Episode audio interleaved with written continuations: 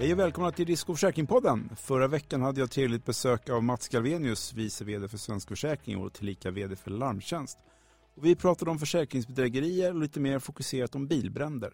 Detta eftersom Larmtjänst kommer att göra en riktad insats i år och granska bedrägerier i form av just bilbränder.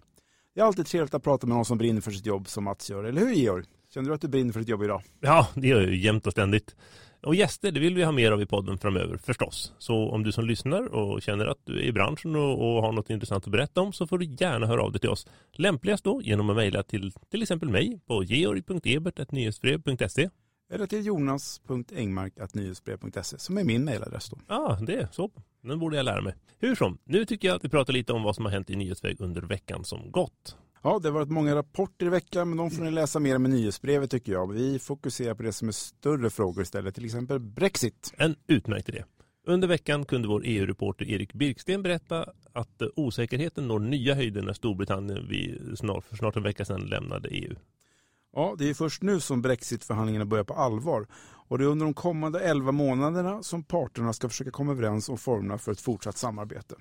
Och det är den finansiella regleringen som förväntas bli en av de stora stötestenarna i de stundande förhandlingarna. De flesta bedömare är överens om att det kommer att bli omöjligt att få till ett heltäckande samarbetsavtal på så kort tid. Ja, osäkerheten om hur det hela kommer att sluta är stor, vilket illustreras av att mer än 1500 europeiska finansföretag på kort tid sökt tillstånd om att bedriva verksamhet i Storbritannien. Detta samtidigt som minst 400 brittiska banker och finansföretag flyttat ut sina huvudkontor från London till alternativa säten i EU, främst Frankfurt, Dublin och Paris. Storbritanniens utspel om att minska regelbördan för banker, försäkringsbolag och kapitalförvaltare för att stärka den internationella konkurrenskraften har väckt starka reaktioner i Bryssel som förstås gärna vill etablera alternativa finansiella nav till London efter Brexit. Det vill de. Och där lämnar vi Brexit. Finansinspektionen föreslog i veckan ändringar i försäkringsrörelsereglerna för försäkringsföretag om beräkning av volatilitetsjustering och förutsättningar för att använda matchningsjustering vid beräkning av försäkringstekniska avsättningar. Tekniska grejer det där, inte sant? Ja, verkligen. Eh, men de ändrade föreskrifterna för föreslås träda i kraft den 6 maj i år. När det gäller föreskrifterna om försäkringstekniska grunder föreslås däremot att ändringarna tillämpas första gången för räkenskapsår som avslutas den 31 december 2020 eller närmast därefter. Så det är så. Och vill man tycka till om FIs förslag går det bra att höra av sig skriftligen till dem senast den 28 februari.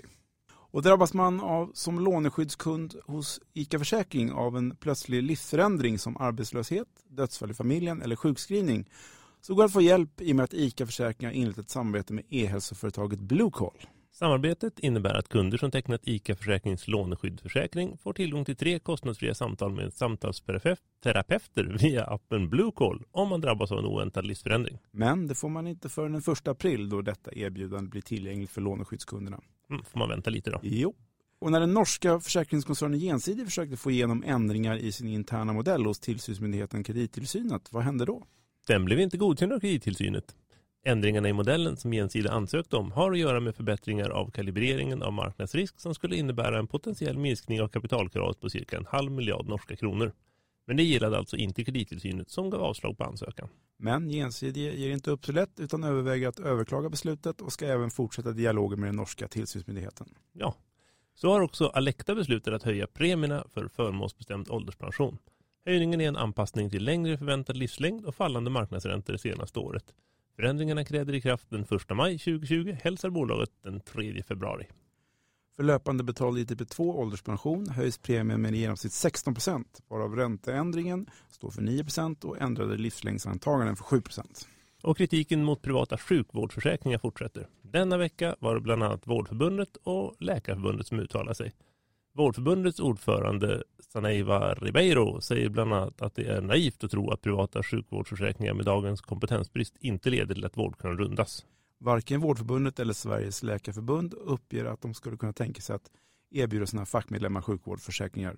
Och de är förvånade över att flera fackförbund valt att erbjuda sina medlemmar en privat sjukvårdsförsäkring. Och igår så var vi på DI Försäkring på Grand Hotel, försäkringskonferensen som firar tio år i år.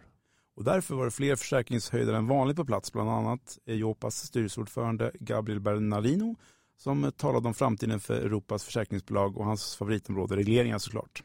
Om man missade seminariet så har du snappat upp det viktigaste i veckans risk och försäkring insights, eller hur Georg? Det stämmer. Jag tog bland annat med mig eh, livbolagens framtidsspaningar eh, och vilka utmaningar de ser för branschen under de kommande åren. Sen var det spännande att höra om cyberattacken mot Norsk Hydro också. Det får vi läsa om där. Bra. Ja. Och något mer? Ja, jo, jag skriver ju faktiskt också om FIs innovationshubb som har fått jobba för högtryck på sistone. Och man kan ju fråga sig om en tillsynsmyndighet ska vara innovativ och hur FI motiverar att de ska vara det. Jo, ser du. De behöver hålla sig ajour med den tekniska utvecklingen. Inte minst eh, nu när alla fintech och insurtech-bolag poppar upp och har knepiga frågor om vilka regelverk som gäller för dem. Och eftersom Sverige ligger långt fram inom digitalisering så har vi också en relativt tung röst i de europeiska diskussionerna om regelverk i kombination med ny teknik. Ja, fick jag svar på tal. Ja. Eh, och sist men inte minst skrivs det också om Just In Case som är ett nytt bolag som erbjuder dödsfallförsäkringar med MOSTIC va? Mm, just vad de gör.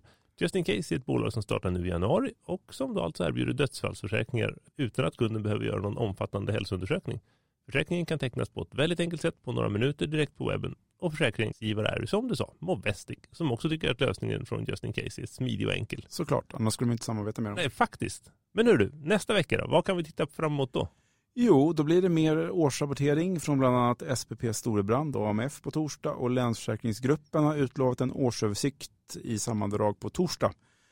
Och så hoppas vi på ännu mer intressant att rapportera om. Det är ju trots allt vårt levebröd vi snackar om. Leverbrödet. Eh, ja, just. Mm, lugnt, fin. Och stort tack för att ni lyssnade även denna gång på Risk och försäkringspodden. Tack även vår trogna producent Julia Siverts och trevlig helg säger Georg. Och Jonas.